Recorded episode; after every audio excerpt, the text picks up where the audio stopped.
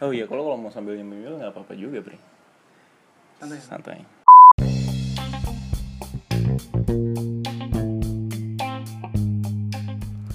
Hai, Assalamualaikum. Welcome back to my podcast with me Raditya Wijayanto. In this episode, gue akan ngobrol bareng sama teman gue Suryo Wibowo yang biasa gue panggil Surs. Kita akan ngobrol-ngobrol tentang alasan dia mengambil jurusan teknik kimia di UGM. Lalu apa yang ditawarkan untuk kota Jogja sampai akhirnya dia rela meninggalkan Jakarta and for good Yogyakarta. So, enjoy my podcast. Let's talk about host life.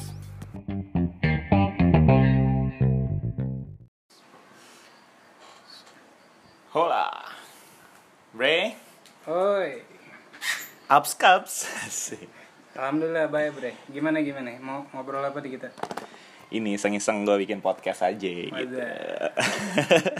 Bibet lu. Nggak tahu siapa yang mau dengerin gue juga bingung nih. Terus terus Sikat terus. aja lah ya.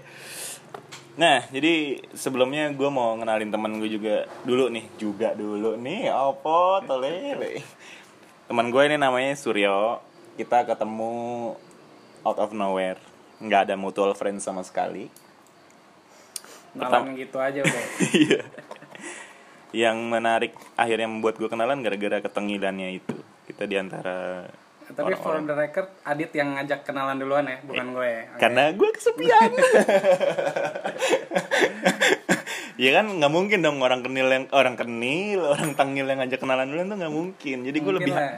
jadi gue agak lebih humble aja jadi mulai Sombong. Tapi tidak sombong. lebih mulai untuk ngomong oke bre pertanyaan menarik buat gue karena kondisi teman gue yang super menarik nih. Kebetulan gue baru kenal orang yang akhirnya officially jadi teman gue tuh yang ngambil jurusan perkuliahannya tuh teknik kimia gitu dan di UGM gitu. Gue kayak cuman bisa hitung jari temen gue yang di negeri kuliah dan nggak ada sama sekali yang ambil teknik kim- kimia. Terus jadi apa gitu bre yang membuat lo mengambil jurusan itu gitu? Jadi kalau dulu ini agak gua runut aja ya supaya jadi lebih clear lah kalau orang-orang yang denger podcast dari Adit nih gitu loh. Kalau dari keluarga gua gua orang tua gua lulusan SMP doang gitu. hmm. Jadi mereka dua-dua itu dari keluarga Miss Queen gitu. Tapi sukses brother Alhamdulillah mungkin orang-orang ngeliatnya orang tua gue bisa sukses gitu ya. Hmm. Nah, terus gue tiga bersaudara dan gue paling bontot nih. Nah ya udah jadi dan lo laki sendiri lagi sendiri gue. Jadi pemegang ini tahta kerajaan tapi kayak nggak nggak ada yang lanjutin gitu deh.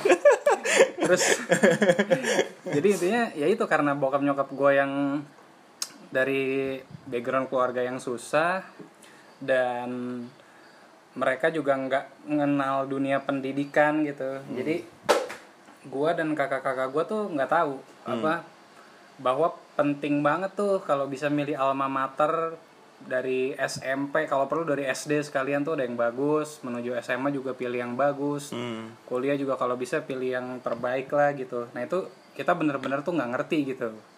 Ya tapi intinya yang singkat penting sekolah aja gitu ya? Ya yang penting sekolah aja gitu nah terus ya singkat cerita ada satu om gue nih di antara seluruh keluarga besar. Om lo dari nyokap nih dari bokap? sisi nyokap. Oke. Nah ini om gue memang dia dulu walaupun susah dia bela-belain kuliah gitu. Dan memang sampai hari ini sih salah satu orang yang gue respect Dan memang dia punya pemikiran-pemikiran tuh yang menurut gue out of the box banget gitu Dan kalau mau ngomong yang paling sukses secara takaran dunia ya Itu memang om gue yang satu ini lah gitu berat Nah, jadi- takaran dunia tuh lo bottom line tuh berat Jadi nah ini mungkin ada bahkan udah langsung ada suatu pelajaran yang gue bisa ambil ya bahwa Eh. kalau dengerin nasihat itu memang dari praktisi yang emang udah made it gitu loh. iya iya iya Nah, sih itu menurut gue biasa isinya memang omongannya valid. Nah ya intinya waktu gue menjelang masuk kuliah itu gue diskusi lah sama si om gue yang satu ini. Karena memang dia juga perhatian banget lah sama anak-anaknya nyokap gue dan ya udah dia ngasih nasihat yang menurut gue relevan banget bahkan sampai hari ini. Hari ini gue kayak udah lulus kapan tahu. Hmm. dulu dia nyuruh gue ngambil jurusan itu unik banget coy. Keluar negeri lah intinya. Antara gue disuruh pilih kalau nggak ke Jerman ke Norwegia gitu Gua Kenapa nanya, tapi spesifik Norway sih emang apa ilmunya bagus gitu di Norway? nggak tahu ya karena mungkin dia berbisnis dengan orang sana Oh, dan dia I see. Maksud gua kenapa jadi ada sugestinya spesifik gitu loh, nggak keluar negeri. dan aja. emang setahu gue pendidikan di sana tuh kayak super spesifik dan canggih gitu lah emang Karena setahu gua Finland sih yang Finland the best. ah. Lanjut lanjut. Nah terus intinya dia nyuruh gue ke antara Jerman atau Norway gitu dan ngambil sesuatu yang gue pikir ujung-ujungnya ya paling ada juga jurusannya di Indonesia tapi Hmm. enggak dia dulu nyuruh gue ngambil jurusan tuh aeronautics gitu lah kayak Oh. sesuatu yang berhubungan dengan pesawat terbang gitu Habibi gitu lah ya. semacam habibi habibian gitu Oke. sama yang satu lagi dia juga sambil kayak berpikir keras gitu coy dia nyuruh gue ah kalau enggak lu ambil jurusan kereta api dia bilang Wih, gue mikir canggih kan sih itu. canggih gue mikir kayak kenapa gitu loh kok Dan kereta api pada waktu itu udah sebaik sekarang nggak pas lo zaman mau kuliah itu? di Indonesia Mm-mm.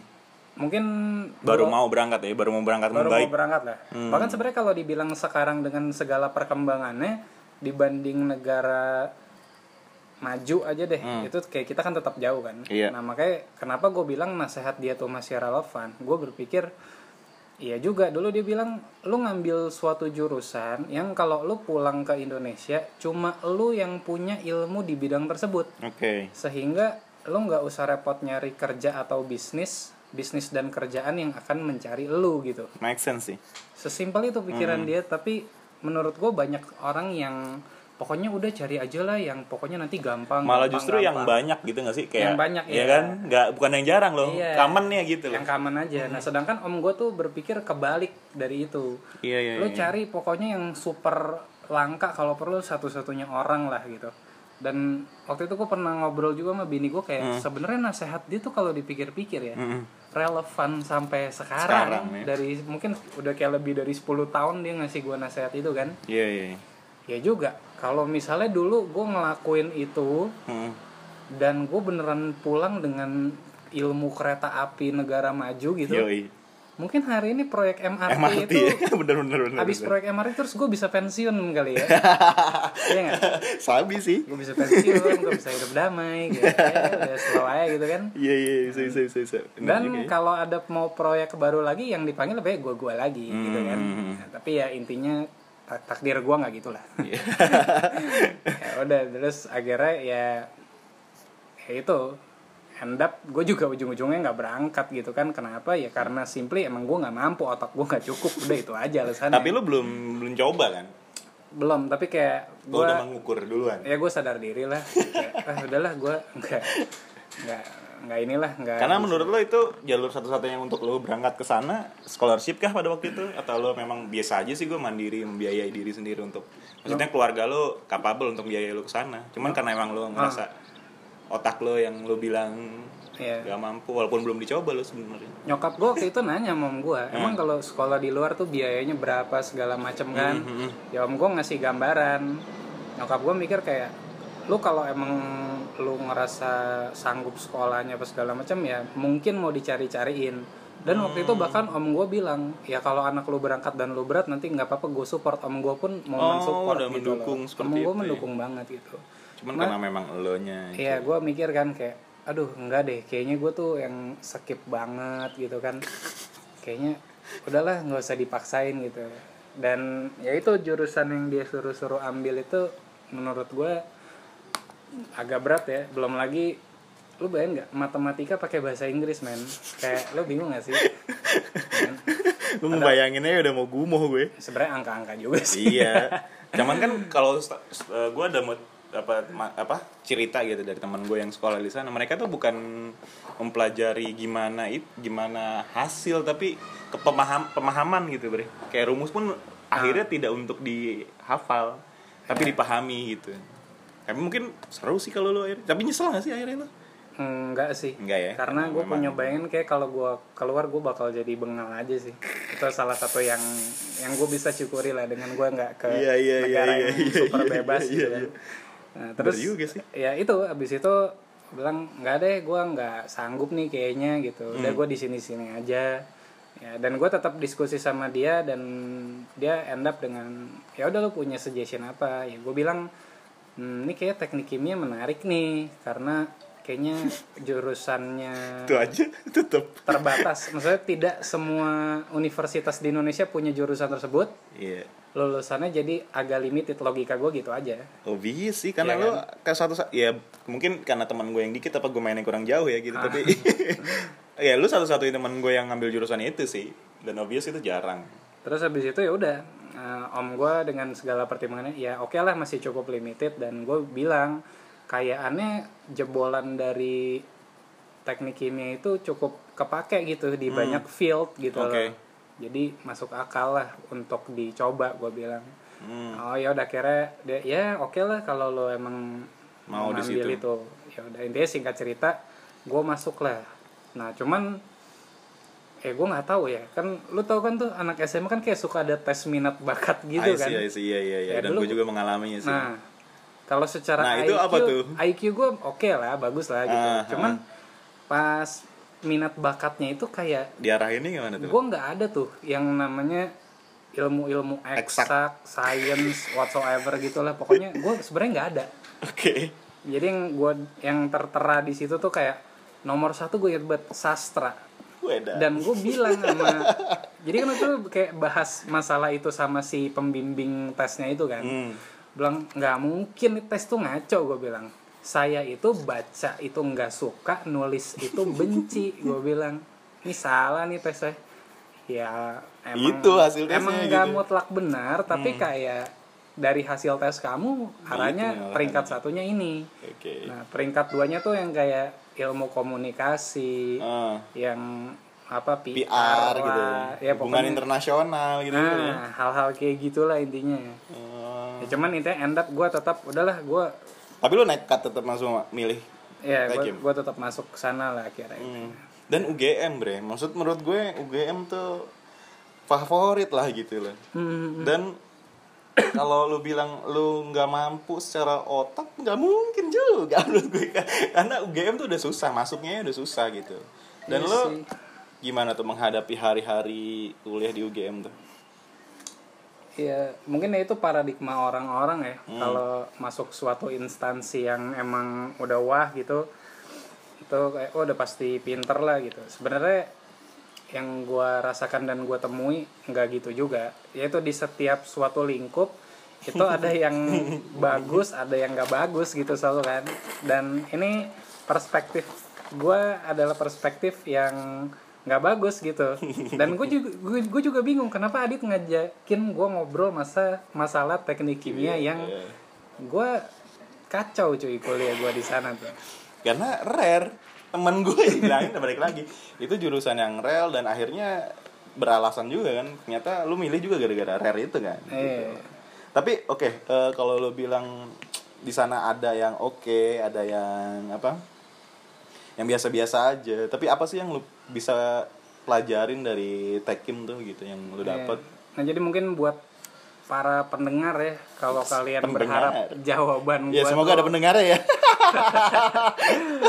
kalau kalian berharap jawaban gue tuh kayak sesuatu yang oh ini tuh belajarnya keren scientific Atom, gitu. Nah itu udah enggak deh gitu karena ya iya gue kecewa gue emang nggak ngerasa gue mendapatkan itu di sana gitu. Oke, oke, oke. Ya itu segitu skipnya gue kuliah lah. Tapi kalau ditanya gue dapat apa, Eh, banyak banget school of life sih menurut gue yang gue Hmm. dapat justru dari sana ya biar gimana separah parahnya gue di sana banyak hikmah yang bisa gue ambil lah I gitu see. dan itu nggak kalah penting sih menurut gue school of Iya. life yang lu dapet. Ya mungkin apa ya kalau kayak dirunut dari awal. Mm-mm. ya udah apa tuh misalnya tuh ya udah gue gue masuk lah gitu kan gue aspek jadi apa ya? Oh masih ada ospek ospek juga bro ya? Ada cuman ini kok proper lah gitu. Oh, oke. proper dan ya oke lah. Dan biasanya kan stigmanya kan tek- teknik pasti amburadul Hmm. aja gitu. Kayaknya kalau di era gua kuliah Udah dulu sih ya. udah proper banget kok Oke, udah oke. oke. Nah terus ya udah mungkin kalau dirunut dari awal ya kan gue seumur umur tuh gue selalu di sekolah swasta, dan yang emang udah swasta tapi yang bukan swasta bagus gitu sampai gue SMA lah intinya. Masa sih setahu gue swasta tuh malah cenderung bagus loh gitu. Ya itu di setiap lingkup ada yang bagus ada yang enggak. Nah ada Iya, iya, swasta iya, bagus ada yang enggak dan gue enak di swasta jelek gitu bukan gue nggak bersyukur ya gue Iya, bersyukur. Gue bersyukur cuman ya intinya gue pengen buat di negeri lah pas kuliah dan ya udah gue dapat di UGM itu. Tapi kayak apa ya kayak Nah, ini apa ya lu kuliah dari SD eh dari apa sekolah dari SD sampai SMA yang lu bilang nggak bagus tapi lu NAP di UGM terus gua ke mana aja gitu dari dari SD di negeri. Kuliahnya malah swasta tuh kayak apa gitu. Ya tapi kan lu soalnya jurusan inceran lu emang bagus mungkin gitu yang Iya di sana. Ya itu Iya kan sih, emang iya tiap tempat ada unggulannya masing-masing hmm. nah ya udah akhirnya gue coba berpikir salah satu yang gue rasakan ketika gue masuk negeri itu ya dan emang gue pengen banget masuk negeri itu ya itu dari pertama gue masuk sampai gue punya temen tongkrongan gitu. Yang gue dapat adalah pergaulan yang heterogen banget gitu loh. Maksudnya gimana tuh? Jadi lu dari berbagai macam pulau di Indonesia tuh pulau-pulau besar Oke, tuh kayak lu ketemu iya. di kampus lo terus eh, berbagai agama yang ada di Indonesia tuh ada di tongkrongan lo. Terus ini eh, dimensi ekonomi coy Hmm. ada temen lo yang bisa tajir banget. Bisa sepatah itu gitu ya? Bisa sepatah itu. Tapi ada yang temen lo yang men dia kuliah aja tuh mikir nyari duit sendiri bahkan dia masih perlu lagi ngirimin buat orang tuanya di kampung. Itu menurut gua kayak asal gila men ini pergaulan tuh se seberagam ini sekeren ini gitu loh. Dan itu ngasih lo banget pelajaran ya? Yes. Dan ketika dicampur pun ya itu baik-baik aja gitu loh. Tetap bisa nggak ya mungkin ada kasus-kasus senjang tapi menurut gua kayak enggak lah nggak baik. besar besar banget lah ya. Nggak standar yang, lah yang ya. gue alami sih nggak nggak berasa segitunya banget. Ya tapi gue nggak tahu perspektif orang ya ini opini gue pribadi nih. Hmm. ya tetap inilah tetap enak nice. Itu gue ngerasa wah gila ini pergaulan yang sehat-sehat aja gitu. sehat-sehat aja. Dan menurut gue ketika gue di dunia nyata gue perlu banget dapat hal-hal kayak gini gitu loh. Oke. Nah, itu yang gue dapet sih Terus apa? Eh, masalah hal-hal lain yang bisa lu sharing atau ada apa ya? Biasanya kan di kampus ya? ada konflik-konflik apa lah gitu yang bisa kalau konflik sharing. ada yang pasti maksudnya yang bisa jadi masuk feel itu apa ya lu bisa kategoriin school of life itu lah gitu. Nah. selain tadi gitu. Ada itu ya. Gue by timeline aja nih enak nih tadi ya udah gue pas pertama masuk gue ngerasain gue mendapat ya itu keberagaman yang tadi gue butuhkan itulah. Oke. Nah terus ketika kuliah berjalan nih semester 1 tuh IP gue tuh kayak cuman 2,3 apa 2,2 gitu lah gede anjir. Gue 1,8 apaan? Ya oke kita memang beda otaknya. Enggak temen. Enggak lu IP segitu gue semester 2 baru segitu tuh gue lupa 1,8 sama 1,9 lah antara dua itu lah tapi dia di, di bawah dua gitu kan. Tapi kan yang memalukan dari semester 1 EP jelek tuh kan kayak semester 1 cuman mempelajari bahasa, Pancasila, agama, kayak apaan sih? Nah lu bayangin nggak? Gue kayak gitu juga juga jelek hitungannya Sama sebenarnya itu. Di sebuah Oke, oke. lingkup ada yang bobrok ya gue salah satunya. Iya iya iya. Dan seberapa tadi? 2, koma sekian tuh bobrok ya di UGM ya. Banyak yang pinter soalnya. Iya iya itu perbedaannya. Ya udah gue kira di semester 2 ya, ya kan uh gue termotivasi oh mungkin gue kemarin terlalu gitu ya. nyantai gitu Hmm. kan tapi nggak lebih parah gitu. ya udah nah itu gue dapat lagi pelajaran sih Hmm. kayak tiap apa pun yang gue jalanin keputusan-keputusan gue menjalani sesuatu Hmm. gue akan memberi suatu termin waktu Oke. Eh, jadi Lu gua- nggak bisa terlena dalam satu permasalahan gitu ya.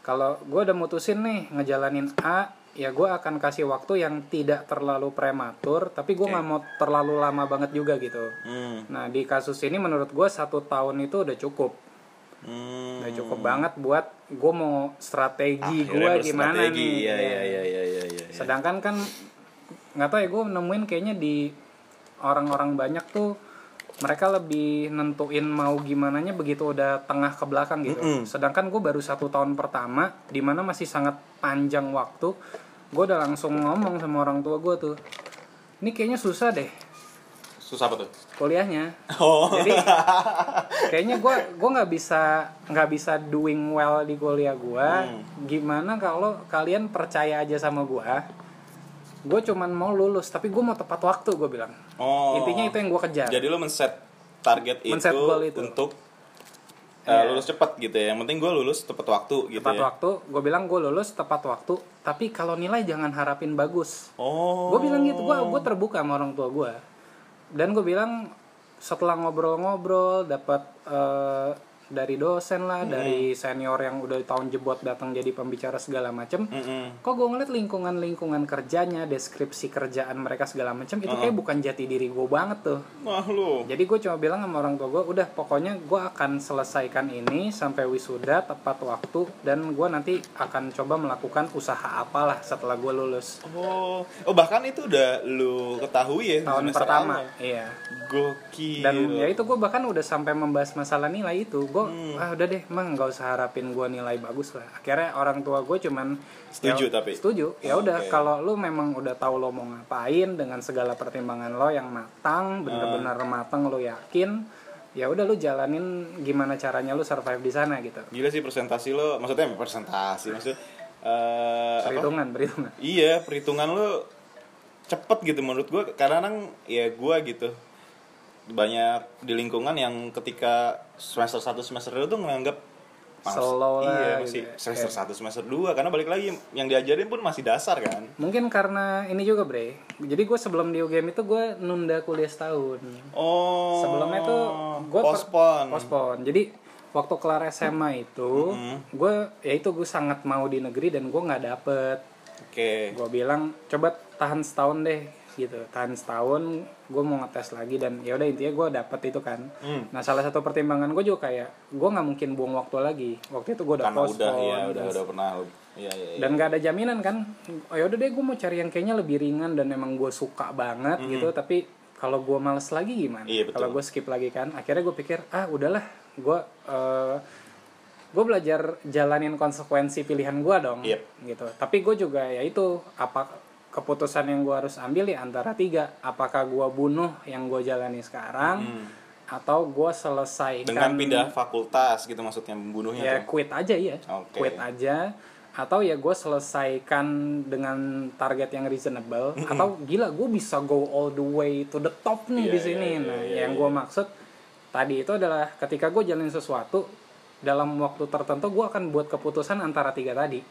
Gue quit gue selesaikan jalankan konsekuensinya atau gue harus sekalian stunning Kejar, nih iya. di sini nah di Dan situ gue pilih untuk gue harus jalanin konsekuensi ini hmm. ini udah konsekuensi pilihan gue Iya. gue harus beresin ini lah ya udah itu salah satu pelajaran yang gue ambil dari situ Hmm. dan ini men ini ada dosen pembimbing akademik gue ya dia Hmm. udah meninggal sih rahimahullah Iya. orangnya baik banget bre jadi waktu gue mau semester 3 KRS-an itu Mm-mm. ya udah dia Oh itu udah, ini lo udah mau mulai strategi lo ya di, udah mau di awal gue ya. ini udah mau mulai jadi dosen gue tuh baiknya gini dia tiap anaknya tuh konsul dia nyatet di laptop semua konsulan lu sama dia Oke. Ke- pertemuan berikutnya dia akan buka lagi eh Mas Suryo ya gitu kan. Dia buka data oh Mas kemarin kita ngobrol ada kendala gini gini gini terus gimana Mas? Udah solve belum? Gitu. Gokil, dia punya bank data tentang punya bank data tentang personality. anak-anaknya. Gok. sebaik itu dia. Jarang sih itu. dan akhirnya ya udah eh, ketika gue datang dia udah mau ngambil buku-buku apalah Hmm, gitu sama laptopnya itu gua gua cut gitu. Pak langsung pak. cerita nih. iya gue bilang pak pak pak, pak Eh, bentar pak bentar. Mo- Oke. mohon maaf mohon maaf maksudnya sebelum bapak terlanjur repot Hmm. eh, buka ini itu gue bilang saya mau nyampein sesuatu aja pas saya diskusi sama orang tua intinya saya cuma mau lulus cepet tanpa memperdulikan nilai bagus pak tapi saya harus lulus tepat waktu pertimbangan saya gini gini gini dan gitu dia nasihatin dong, sayang dong. Nah, Mas." gue mikirnya gue bakal kayak di sesi motivasi kan, tenang Iyalah. saja mas, kamu gini-gini. Enggak, dia bener-bener akhirnya dia menyingkirkan semua yang tadinya dia mau ambil itu. Hmm. Laptopnya juga digeser dulu dan ya udah meja antara gue dan dia kosong, Clean udah clean, gitu. clean. Ya udah dia langsung memfasilitate gue. Oh. Dia bilang kalau mau lulus udah tahu syarat lulus belum dan udah tahu belum penghalang-penghalang orang lulus tuh apa? Hmm. Udah tahu pak, saya udah research. Jadi udah bener-bener udah matang udah udah matang itu ya. udah matang gue tanya Iya, langsung ke teman-teman gue oh dan bahkan gue baru tahu kayak misalnya nilai D itu maksimal Berapa banyak, berapa mata tiga puluh kuliah. persen kalau salah itu Oke. 37 SKS gitu kan gue langsung hitung kan oh D gue sekian oke berarti sampai gue lulus gue punya jatah D sekian SKS lagi tuh gue udah tahu Dan nggak mau lo cuci karena menambah waktu juga Nggak, kan. selama D gue masih masuk eh, kuota Nah. nggak akan gue cuci dan itu terjadi sampai gue lulus semua D gue masih masuk kuota dan gak ada yang gue cuci Iya iya iya. iya. Kayak gitu. Ya gimana caranya lo menjadi efektif dan lulus tepat Iya. waktu gitu loh ya. dan apa ya mempertahankan fokus tuh susah gitu karena gini yang struggling kan Iya, bukan pasti gue doang Heeh. masalahnya teman-teman gue yang struggling itu nggak ada yang targetnya serendah gue Oh. just untuk lulus aja gitu Eh, iyalah mereka pasti berpikir gua Bisa bawa paper UGM sayang gitu. dan Iya. kayak mereka ya gue nambah dua tahun lah maksimal nggak apa-apa sedangkan gue nggak mau nambah berapapun itu gitu dan proyeksi mereka mungkin pengen bekerja di bidang yang dia kayak Mungkin. fieldnya ya sesuai dengan apa yang Dan- jurusan kuliahnya gitu kan. konyolnya waktu itu Hmm. gue lulus bareng kloter anak pinter tuh Oh. jadi satu-satunya yang di era gue ya yang berani lulus Heeh. dengan ta- waktu periode yang dalam tanda kutip tepat waktu dengan dengan IP di bawah tiga seada-adanya itu cuman gue doang loh satu-satunya orang yang melakukan itu gue lulus tepat waktu Gila, take risk banget berarti ya. Iya, bersama para orang yang summa cum laude, magna cum laude atau apa you name it lah. Dan para kakak angkatan yang mungkin IP-nya kayak gue, tapi mereka udah kayak berapa tahun gue nggak tahu Gue harus gitu lulus kan. tahun ini gitu iya, kan. Gue tepat mereka. waktu, men. Tapi ya gitu deh. Kacau banget. Tapi kayak gue merasa, men gue berhasil. Itu strategi lo Strategi gitu gue kan. dan gue berhasil melakukan itu. Jadi gue punya suatu tolak ukur, pertimbangan, dan men gue made it. Gue lulus tepat waktu, itu target gue. Dan menurut gue eh, benar balik lagi tadi lo bilang untuk mempertahankan fokus itu sangat sulit. susah gitu. gue kayak ngeliat eh tapi iya jangan-jangan ini temen gue yang sama-sama skip kok kayaknya dia mulai-mulai bisa Iya, gitu iya, jadi iya, kayak iya. gue goyang-goyang Mulai kan gak goyang, fokus gitu kan iya. tapi pada akhirnya you know what enggak lah Hmm. waktu itu bahkan ada semester-semester yang gue bisa ngulang sebenarnya kayak Enggak lu sih kan. gue kayak ah Udah enggak emang gue udah pengen kelar dek gue masih cukup kan masih gue liat portal akademik tuh Iya, iya, iya. masih udah gue udah gue tinggal ayo udah gitu Ini udah benar-benar it's all about strategic gimana lo caranya lulus tepat Iya. waktu ya. dan itu gue juga menyadari ya oh ya ya udah orang tuh beda-beda gitu Yap. gue punya pertimbangan gue teman gue yang lain punya pertimbangan yang mereka lain. sendiri dan nggak ada yang salah Betul, betul. sah sah aja orang punya segala pertimbangan gitu walaupun dulu gue pernah mengungkapkan sih kayak ke teman-teman gue yang struggling gitu bro lu pada yakin apa mau nambah masa studi dengan membuang waktu sekian karena buat gue kita belajar nih dari teman kita yang pinter Hmm. dan mereka lulus tuh tepat waktu lah Oke. Nah ketika mereka cabut Oh, kita kalau ngerti, mau ngerti. ngandelin junior ya mereka kayak punya kelompok belajar Hmm, sendiri segala macam kita kalau belajar sendiri juga gue sadar diri gak gue kayaknya gue nggak sanggup deh kalau nggak belajar sama sebelum temen lo gua. kehilangan teman-teman pintar lo yang menjadi mentor atau guru lo di luar kelas. mending gue lulus sama mereka Nah, udah exactly. gitu Itu strategi juga nih. strategi gue Iya, iya, iya, dan waktu itu gue bilang katakan ya lu nambah 2 tahun Hmm. IPK lu cuma naik dikit buat gue 2 tahun lu nyoba usaha sesuatu itu a lot of time Iya, betul betul. dan lu nggak tahu 2 tahun itu usaha lu membawa lu ke mana Iya, iya, iya, iya, iya. hal-hal kayak gitu Mendingan lo langsung terjun ke dunia nyata di dua Iya. tahun itu daripada lo masih berkutit di kampus, nggak tahu Yes. gitu ya. Oh. dan akhirnya ada beberapa yang membuktikan perkiraan gue salah nilai mereka naik di mana gue juga happy banget akan itu Iya, iya, iya, tapi ada juga yang iya mereka juga walaupun ya, udah spend time Waktu- segitu banyak, tapi dengan nilai gitu-gitu it jadinya. juga. Ah. ada dan tapi menurut gue ya di semua tempat ya ada lah yang Iya kayak begitu, gitu Pak. Iya, iya sih. tapi ya, emang ini just story aja ya Mm-hmm. maksudnya ya Tapi ini menarik sih jadi karena lo tuh ketika lo ditemukan sebuah problem, lo harus sesegera mungkin, se-early mungkin membuat strategi baru gitu ya kan? yang gue rasain kuliah gue kenapa gue bilang gue dapet school of life gue nggak ngerasa belajar kimia yap, yap, yap. gue kayak Gimana Problem solving Yap, aja yap, gitu loh. Iya, iya, iya, iya, menarik, oh, menarik. problem ini aduh gue mesti gimana ya oke gue harus solve dengan kayak gini Dan karena banyak juga gitu eh, teman-teman atau orang-orang yang lain terjebak dalam sebuah jurusan yang mereka nggak suka dan akhirnya mereka terlunta-lunta, eh Iya. terlunta-lunta apa sih bahasanya? Makanya Lam- iya, ter- apa luntang lantung iya jadi nggak jelas. dan menurut gue itu bukan cuma kuliah bre semuanya seba- as- orang banyak aspek kerja, ya iya iya iya, benar-benar kadang-kadang mereka nggak pakai hati malah jadinya se terjebak lah Ya, intinya terjebak lah ya iya. dan tidak menyenangkan gitu ya ya itu menarik menarik menarik ya itu yang gue rasain gue kuliah tuh kayak orang problem solving aja iya udah. iya iya dan gue inget banget waktu itu ada dosen gue dia termasuk rombongan dosen yang cukup muda lah di Mm-hmm. jurusan gue dia pernah ngasih nasehat gini eh, kita kan jurusannya termasuk jurusan yang susah, yang berat. Saya ngerti itu.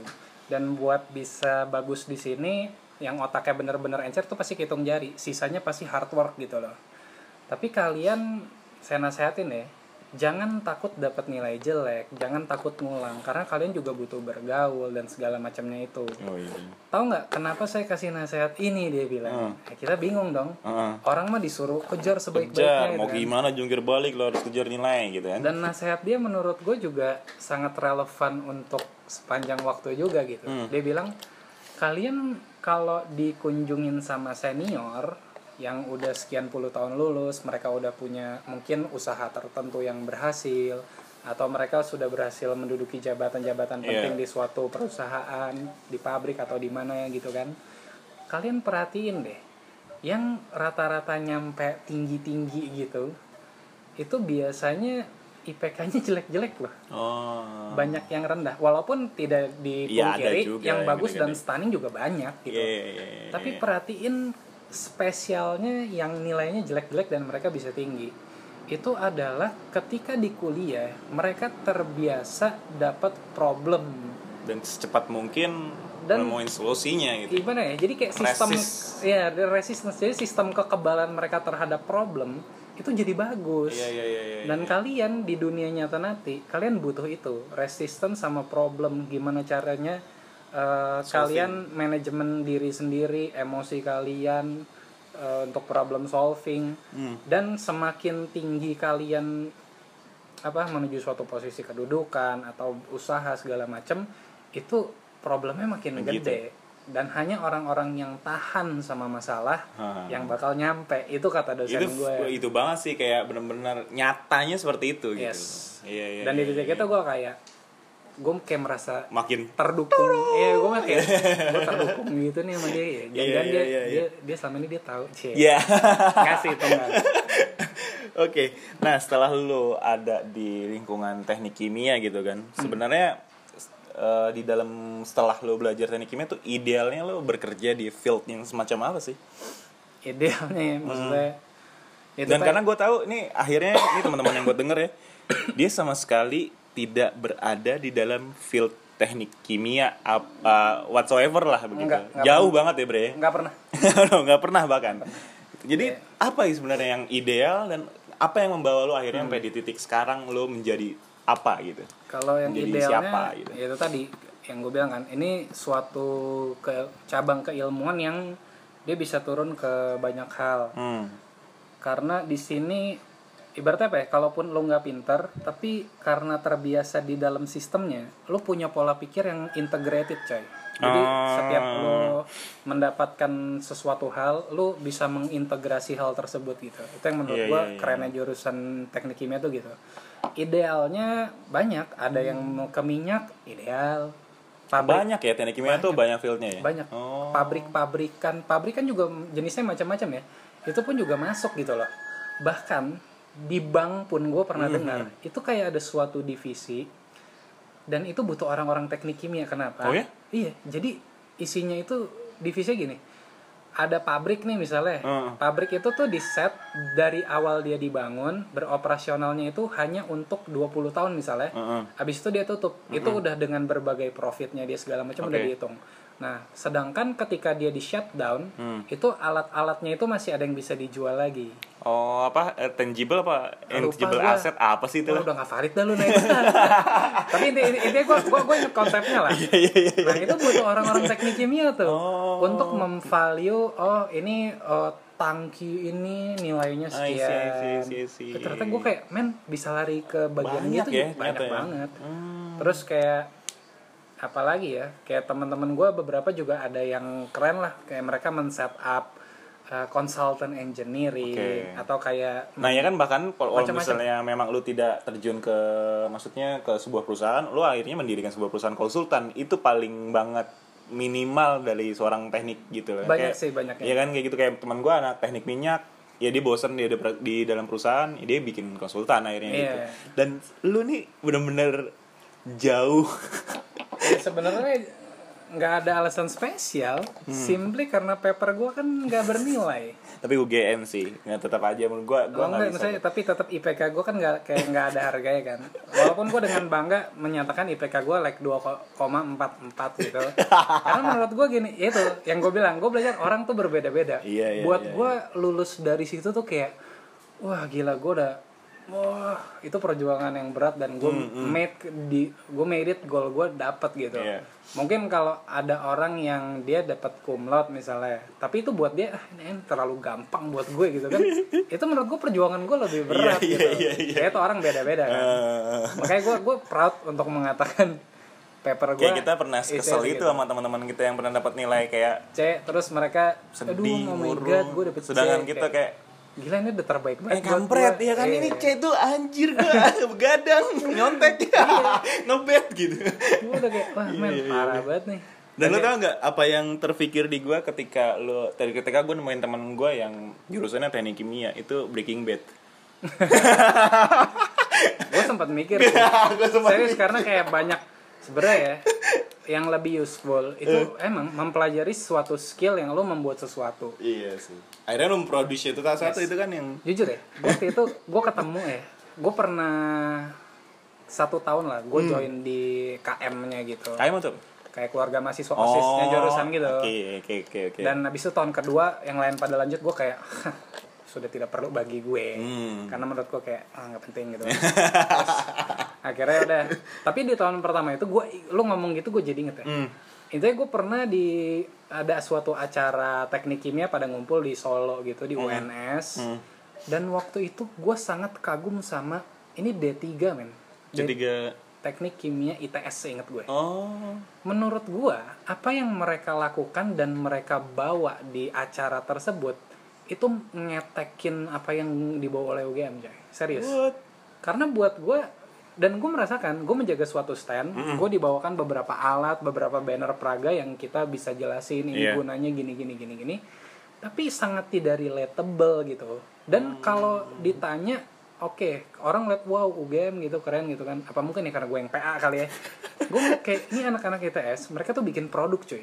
Ah, oh mereka sudah menciptakan produk menciptakan ya untuk produk. ke situ. Oh. mereka tuh kayak bisa bikin sabun bisa bikin makanan ini itu processing makanan apa yang pokoknya menurut gue kayak suatu skill yang direct bisa segera berguna Iya, dan iya. jadi jelas dan sangat relatable sama Modelan anak-anak STM lah ya Ah, gitu. dan ya. relatable banget sama masyarakat Indonesia gitu Iya, iya, menurut iya, gue iya. kayak men gue pengen loh bela- Langsung aja begitu iya, gitu ya. bikin sesuatu sesuatu kayak waktu dulu gue pernah kampus gue kedatangan mahasiswa Belanda gitu coy Hmm. jadi kelompok nih anak-anak Cewek teknik cowok nih. Campur tapi ada satu yang namanya Kimberly cantik banget lah kayak gitu lah gue tahu sampai akhirnya dia ngomong sampai nempel banget cerita ya iya Jadi- pasti itu ada apa-apanya nih oke si Ranger Pink ini nggak lain Ayo pengen nih. Jadi dia tuh Indo-Indo gitu Iya. bentukannya cantik. Gak penting ya, gak penting. Ya, intinya selain kecantikannya gue mendapatkan inilah suatu poin yang keren juga lah. Hmm. Tadinya gue berpikir gue masuk jurusan yang labnya banyak nggak banyak, tapi kayak untuk membuat sesuatu yang apa ya segera bisa produce tanpa perlu R&D gila-gilaan lah gitu menurut gue. Tapi itu gue nggak dapet at, at the end di kampus gue. Nah sedangkan yang gue lihat si Kimberly Kimberly dan teman-temannya ini, mereka tuh teknik kimia dan apa mereka mainnya di food technology juga gitu lah. Food technology. Tapi gue juga bingung ya setahu gue food technology kan kayak kalau di UGM tuh dia berdiri sendiri tapi ini di kayak luar relate. teknik kimia gitu ya? Ah, si Belanda ini kayak relate gitulah Hmm. dan mereka tuh udah bisa bikin keju bir Oh. yang kayak gitu-gitu dan mereka udah bisa pasarin itu di sana gitu Oh. bener-bener udah sampai masuk etalase waktu itu yang gue mereka mempresentasikan itu di mereka presentasikan itu mereka sampai bisa bikin produk yang mereka Hmm. nge-lab bikin keju tuh gimana sampai akhirnya bisa konsisten formulanya yang kayak gitu gitu Nah sebenarnya lu sukanya tuh kayak gitu ya, maksudnya Iya, gua- lu lebih cenderung taktis aja langsung Ah, iya. praktek gitu Iya, lah ya. kayaknya gue lebih tipe yang kayak gitu Hmm, Iya iya iya iya iya. iya, cuman iya, ya ya udah lah dia gue nggak dapat dan ya ketika lo tanya tadi lu kenapa idealnya di mana? Di situ. Kenapa lu nggak di situ? Paper gue nggak mungkin untuk gue masuk ke hal kayak gitu. Dan apa yang lu kerjakan sekarang for life gitu? sekarang gue juga akhirnya baru muter ya. Pokoknya gue pernah ngerasain berbagai usaha lah Hmm. pada akhirnya itu karena paper gue yang gue tidak bisa gunakan Enggak gitu sih kan. tetap gua dia ini Enggak, guys serius, dia serius. denial guys dia papernya Jadi seumur umur ya itu gue gue nggak pernah bikin CV, gue nggak pernah ngeplay kerja tuh nggak pernah gitu loh. Jadi sekarang jadi satu dua tahun yang lalu gue Hmm. dijodohkan oleh seorang wanita oh, seorang bukan bukan seorang sih dua orang lah se- sepasang sepasang suami istri lah itu akhirnya gue sekarang us- lagi berusaha Hmm. berada di industri leather coy Art- leather artisan gitu lah. Wow. Jadi satu dua tahun lalu sangat menceng sekali. Itu gue mulai belajar satu dua tahun satu lalu. yang relate dari apa yang dia pelajarin mungkin mencampur warna kali ya kimia kimia yang terjadi antara pewarnaan Enggak di juga sih. oh enggak juga. Enggak juga. Gue nggak ngerti berarti benar-benar totally bener-bener totally. Melenceng. padahal si guru gue itu ngerti. Ah. dia tuh ngerti chemicalsnya gitu. Bahkan dia banyak benda-benda yang dia bikin chemically sendiri gitu. Keren banget. Ada yang natural ada yang mas pakai sarung tangan ya. Ah. karena ini belum kita belum nemu formula Iya, natural iya, iya, iya. dia bisa jelasin ya gue nyambung nyambung dikit sih tapi tetap aja kayak men kok kayak dia lebih ngerti gitu kan? Ya intinya sekarang gue lagi main itulah. Walaupun belum muter karena ya itu gue take 1-2 tahun yang lalu sampai Iya. detik ini gue baru ngerasa kelar basic tapi udah bisa Oke. produce dan ya sudah ada beberapa yang bisa menjual dijual juga kan pasti. Bisa ya, sih. hitungan masih startup lah ya. Masih startup dan tapi lo nih senang dalam lo terjebak di dunia yang menurut eh, benar-benar baru berarti buat lo kan? Kayak craftsmanship gitu. kayaknya ini pertama kali di hidup gua gua merasakan suatu bidang mencari nafkah yang gua tidak terjebak lagi itu adalah ini, happy sehappy itu ya? Gue happy. Gue kayak kreasi gue gue bebas Iya, kayak iya, gitu iya. walaupun ya yang gue bilang tadi ya ini masih startup belum muter karena uh, dan apa, ini lo kerjakan sendiri ya belajar. handmade sendiri tanpa lo harus eh, ada yes apa hmm, apa namanya tuh proses quality control enggak ya karena lo yang sendiri yang ngerjain karena gue ya? sendiri ngerjain ya Oh, nice nice nice dan ini lo pelajarin dapat di Jogja gue dapet di Jogja Oke, ngomong-ngomong Jogja nih. Hmm. Ini yang seru nih menurut gua nih. Apa sih yang ditawarin Jogja sampai akhirnya lo meninggalkan Jakarta yang semua orang sebenarnya pengen banget kayak Jakarta tuh sentralnya banget gitu. Iya. Dan sekarang lo for good di Jogja gitu. ya itu Apa ya yang ditawarin?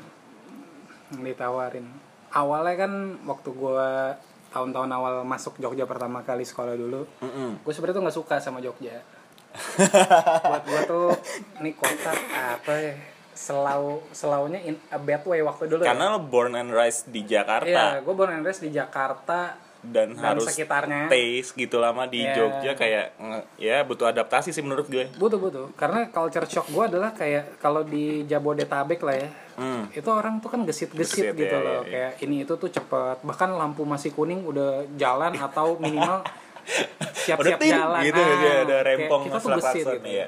Dan menurut gue ya salah satu tolak ukur kecepatan suatu kota adalah kasir Indomaret men lo pergi aja lo ke Indomaret Alfamart Alfamidi gitu gitulah Kalau aku kurin Indomaret coba itu barometernya. coba ya lu lagi di Bekasi Depok Hmm. atau Jakarta mana lu ambil barang berbeda-beda 10 biji lu bawa ke kasir itu abang atau mbak itu gesit coy Like cepet banget Cetit, gitu. cetit, cetit, cetit, sambil nawarin lagi Iya, mau pulsa mas multitasking. apa Iya, gitu gitu kan kayak dan itu cepet gitu Iya iya iya. bahkan kita yang ketinggalan eh, Apa gimana? oh, enggak, enggak, Iya, mbak iya. gitu kan nah kalau yang di Jogja itu tuh kayak lu bawa aja barang tiga biji sama semua itu Everything getting slow motion. itu bisa lama banget dan mereka di lampu merah tuh lampunya udah hijau tuh kayak baru starter. Masukin manasin gigi. mesin dulu coy. kayak lama banget serius.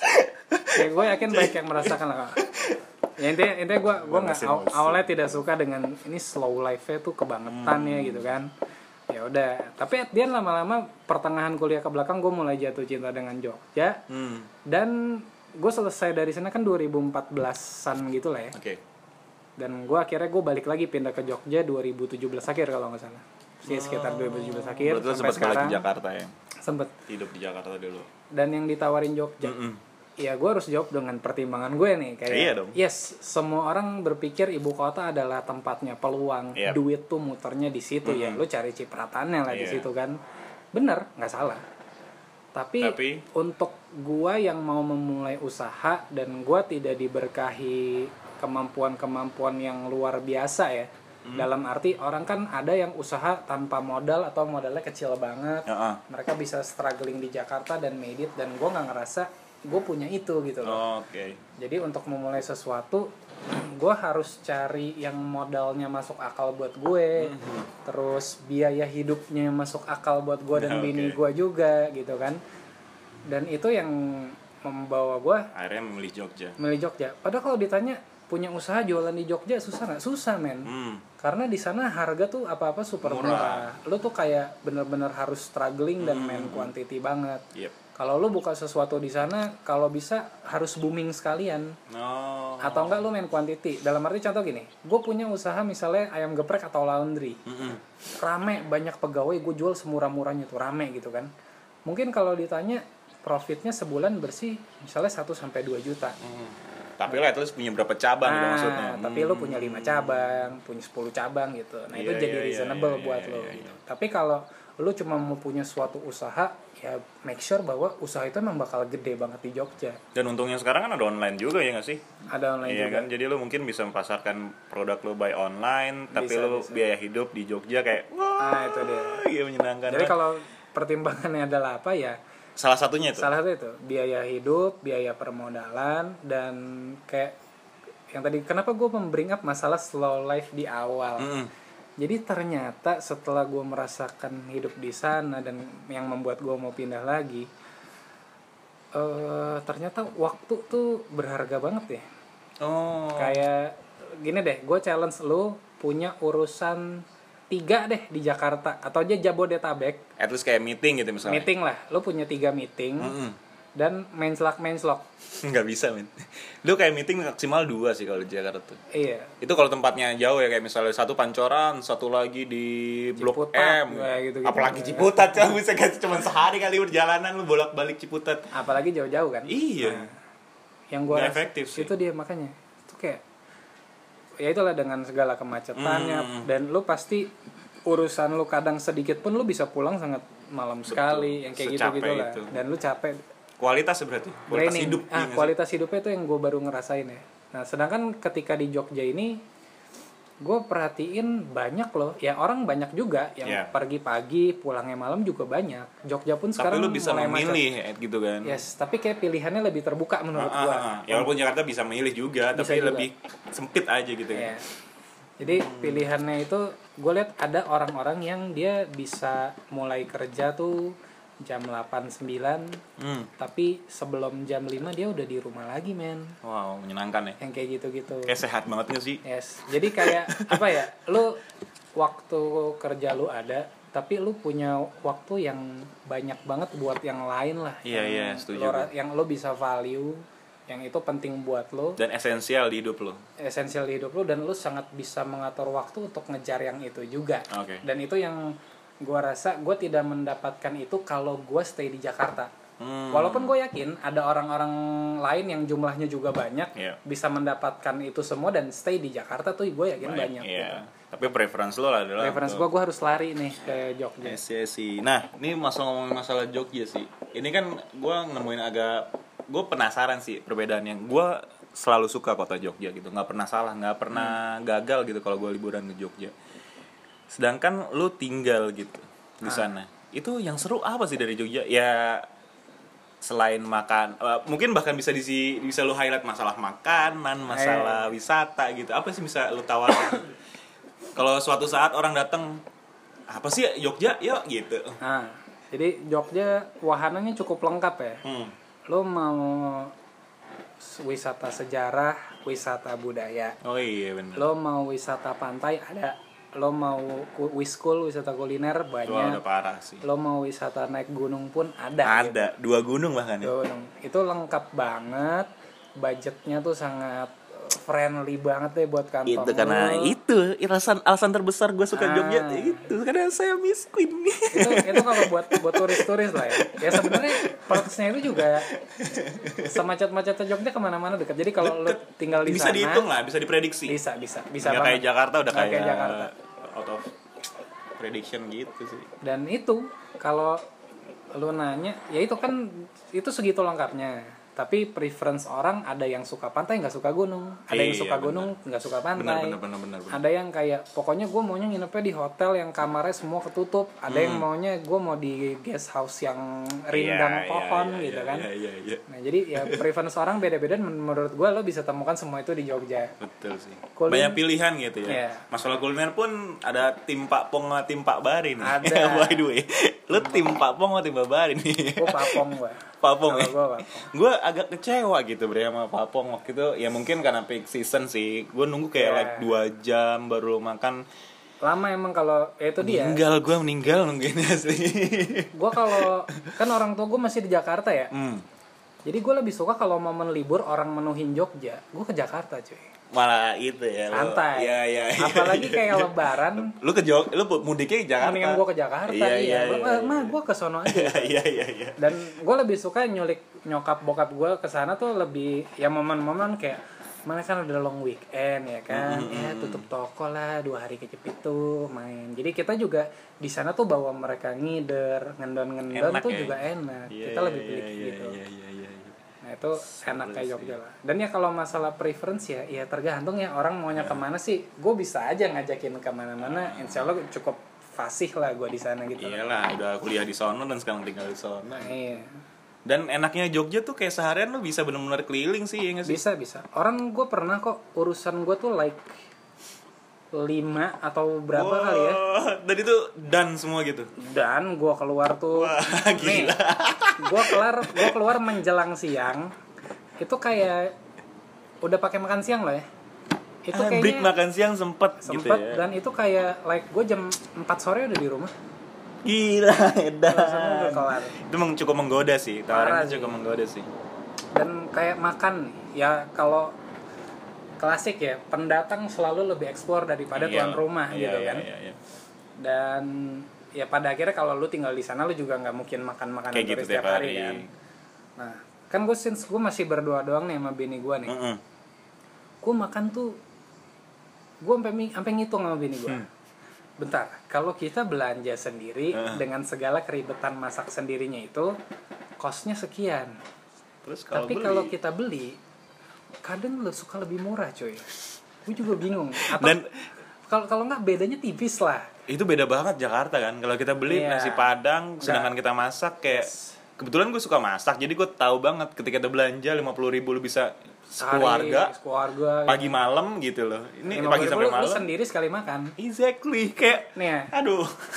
Gue di Jogja makan makan berat dua kali lah gitu. Hmm siang sama malam gitu iya jadi gue gue beli beras masaknya di rumah nih nasi Mm-mm. sendiri kan Mm.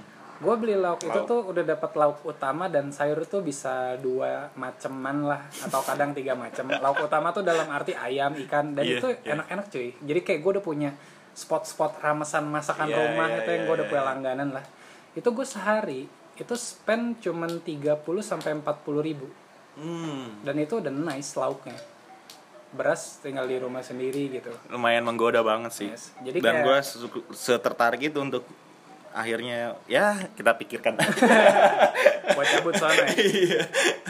ya itulah Gitu. Jogja lah dan ya gue merasa ternyata slow life yang itu akhirnya lu cintai. itu akhirnya sebenarnya oh dulu gue perspektif gue yang salah Hmm. tapi setelah gue mendapatkan perspektifnya dan memang ternyata lifestyle ini ternyata cocok ya Yep. selama ini ya mungkin jadi pelajaran juga ya kalau ngelihat sesuatu kalem aja dulu Amati aja dulu. Amati aja dulu. Keluar aja dulu dari frame-nya itu, Iya, lu coba tonton lihat, aja. tonton dulu. terus kayak taruh lu kalau lu di perspektifnya orang tuh gimana Bener, Dan- penting penting. kebutuhan kita tuh apa sih kalau kita di sini plus minusnya apa ya itulah Iya. pertimbangan yang matang tuh penting lah Sedangkan di hari ini sudah jumping conclusion tuh sering banget dan bikin- belum apa-apa Ya. Eh, Oke itu dari semua segi penawaran secara yang menyenangkan gitu di Jogja nih. Dan gue tahu nih teman gue ini punya value yang luar biasa. Kenapa alasan dia pindah ke Jogja? Itu belajar bahasa Arab men. Like what gitu kan? Coba lu bisa jelasin nggak? Bagi-bagi lah sedikit, sharing-sharing lah ya, dikit jadi gitu. ya kalau alasan yang di tadi kenapa Jogja enaknya apa gitu Hmm. itu mungkin alasan nomor berapa sekian lah ya antara nomor satu setengah mungkin karena emang enak banget iya sih tapi jadi jadi ya itu waktu gue di Jakarta sekian tahun gitu gue sempat berada di lingkungan yang menurut gue membuat gue terbawa ke arus yang lembah hitam sudah dibilang lembah hitam tapi Nggak bukan juga ya. bukan yang kayak bengal mabok apa Iya, enggak iya, enggak iya, enggak iya. kayak gitu tapi lebih ke kayak apa ya kurang menghargai hidup gitu kan sih apa Kayak gimana gimana? Lu lu diaj lu diajarkan untuk apa ya? Ngejar dunia whether itu you name it ya. Hmm. Karir, harta, eh, status, Ya. status sosial yang kayak gitu-gitu. Hmm. Dan menurut gua di titik itu gue sempat ngerasa gila ini bukan jati diri gue nih sebenarnya wih tapi kayak gue dipaksa untuk ini gitu dan Hmm. waktu itu gue sempat terbawa arus kenapa gue bilang terbawa arus karena lu terjun masuk situ juga gitu gue nyebur dan Iya. waktu itu apa ya ketika lu nyebur ya orang yang nyebur nyebur pikirannya udah begitu juga.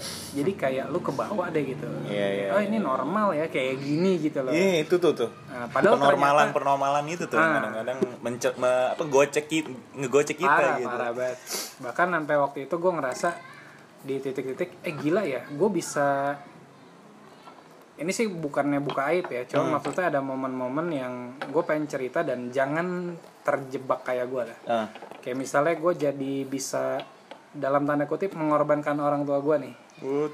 dalam arti misalnya kayak nyokap gue lagi butuh apa sebenarnya gue bisa tackle permintaan nyokap gue Hmm. tapi kayak gue menomor sekiankan itu misalnya Nah, gara-gara gara-gara gue harus dengan kesibukan gue Aduh. kayak gitu terus gue harus ya itulah bermunafik kepada diri sendiri eh, menjadi jati diri yang gue sebenarnya gue enak banget nih kalau gue ngelakuin kayak gini gitu Hmm. tapi ah udahlah. Jadi kayak gue toh ini normal. Iya. Iya emang, Jadi emang, gini. emang, emang ini prosesnya mesti kayak gini kok. Nah, gue mikir kayak gitu. bahaya bahaya bahaya, bahaya. nah tapi pakai pada akhirnya di satu titik gue menemukan hmm, sebenarnya selama ini ya keputusan-keputusan yang salah yang gue bela-belain ini tuh sebenarnya salah dan gue udah capek gue terlalu munafik sama diri gue sendiri dan gue menemukan yang bener tuh standarnya gimana sih? Kayaknya satu. Value baru ya di hidup value lu. baru kayak mau ngikutin standar baik menurut siapa orang-orang nih gitu? Oh. Itu udah mustahil karena tiap individu punya standar baik yang berbeda. Dan jadi ada ya salahnya kita kalau selalu ada salah. lu mau lu bener juga lu lu ada ada yang nyalain lu gitu. Sih. netizen susah. akhirnya udah gue di titik itu kayak gue gue don't give a fuck lagi deh sama Hmm. apa pandangan orang gue sekarang mau take time untuk apa sih yang benar gitu loh. apa sih yang yang gue bisa jalanin dengan tenang gitu. Yaitu gue berpikir oh iya ya gue belum pernah nyoba satu hal nih. Yaitu belajar agama aja udah. Gitu. karena banyak ini ya banyak orang tidak hanya di urusan agama loh. Di urusan keilmuan mana pun banyak orang yang berbicara tanpa ilmu Tanpa gitu berarti kalau kayak ada dokter bedah Hmm. dia mau ngomongin soal bedah dia mau ngebedah orang emang dia udah belajar udah ada pengalaman praktek gagal coba lagi sampai dia mahir silakan dia berbicara soal bedah Hmm. tapi kalau ada orang yang sekolah medis aja enggak mau nguliahin lo soal ilmu kedokteran gitu Hmm. dan itu banyak yang kayak gitu kan ini analogi ya Yep. nah di titik itu ya udah gue cuma berpikir kok eh, alhamdulillahnya gue ngerasa gue belajar dari orang-orang yang gue lihat oh kok karakternya kalem Iya. nggak suka ikut keributan-keributan di sosmed pokoknya ya Iya. belajar Dia belajar memilih lebih tenang aja untuk iya hidup- hidupnya. pokoknya dia dia sibuk mengkritisi dirinya sendiri gitu Wow. bahkan ketemu orang-orang yang mungkin secara bukan secara orang belajar agama ya secara pandangan umum masyarakat Indonesia gini Hmm. Mabok-mabokan salah nggak? Banyak yang salah Hmm. kan gitu. Nah yang kayak gitu. Jadi bahkan mereka bisa ngelihat orang-orang yang kayak gitu aja dengan maklum dengan keilmuannya beda deh. Kayak orangnya kok nice banget gitu ya. Ya teduh sih gue Nah. dengernya asli. dan yang gue lihat satu-satunya cara belajar ini ya belajar bahasa Arab. Karena gue seorang muslim kitabnya diturunkan dalam belajar dalam bahasa bahasa Arab ya udah gue sebelum ngomong belajar agama ini itu gue nggak mau ngomong Belajar deh. dulu. gue belajar segala ilmu pendukungnya dulu. Dan itu di Jogja ada lembaganya dan gue lihat track record pengajarnya lingkungan belajarnya gue lihat waktunya juga. waktunya masuk akal. Dan gue lihat nice. wah ini reasonable. Sebenarnya itu salah satu alasan besar gue pindah ke Jogja juga sih. Dan ya gue berharap usaha gue pindah dan sekarang gue udah menjalani ini memang berbuah sesuai harapan gue lah gitu. Bahwa bisa belajar yang proper mendapat lingkungan baru yang nice dan ya itu bisa menguasai ilmu alat untuk belajar ilmu-ilmu yang lebih dalam lagi gitu aja sih Paras ini menurut gue esensial banget dan fundamental gitu. Dan lumayan agak menampar nih di belakang-belakang Bapak Suryo ini satu ini. Jadi ya lu simpulin sendiri deh buat yang denger ya. Kadang-kadang kita mengejar sebuah ses eh mengejar sesuatu yang menurut kita itu penting tapi eh, out of nowhere kita bisa ngerasa kita tuh terjebak dalam kenormalan yang sebenarnya nggak normal gitu. So sekian obrolan gue sama teman gue. Wassalamualaikum warahmatullahi wabarakatuh. Waalaikumsalam warahmatullahi wabarakatuh